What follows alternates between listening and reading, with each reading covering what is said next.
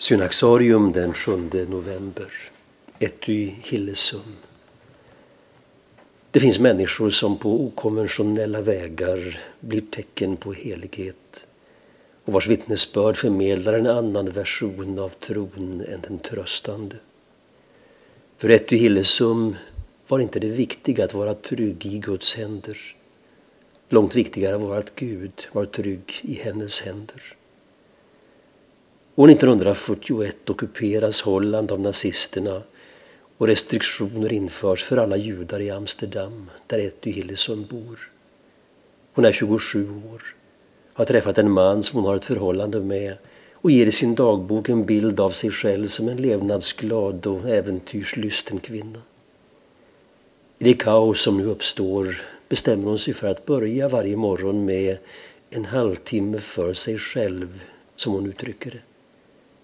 Efterhand övergår dessa stunder i bön. Hon känner sig generad över att böja knä och när någon kommer på henne låtsas hon leta efter en knapp på golvet.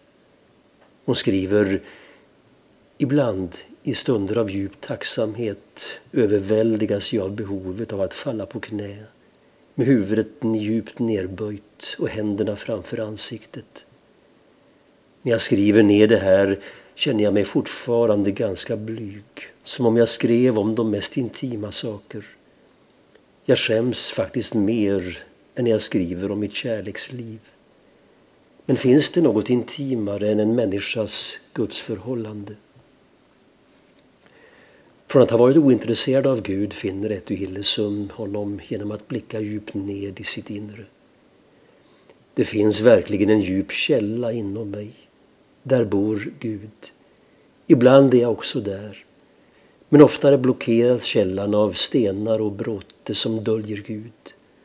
Då måste han grävas fram på nytt, skriver hon. Den tidigare splittrade och rastlösa unga kvinnan förvandlas till en person med en inre frid och kärlek som gör att hon till sist även kan se på sina bödlar med djup medkänsla. Mot slutet av sitt liv skriver hon i dagboken Jag lever i en oavbruten närhet till Gud. Etty Hillesum valde att inte fly från Holland utan följde frivilligt med den första grupp judar som transporterades till arbetslägret Västerbork. Där blev hon kvar i ett år för att i september 1943 tillsammans med sin familj förflyttas till Auschwitz.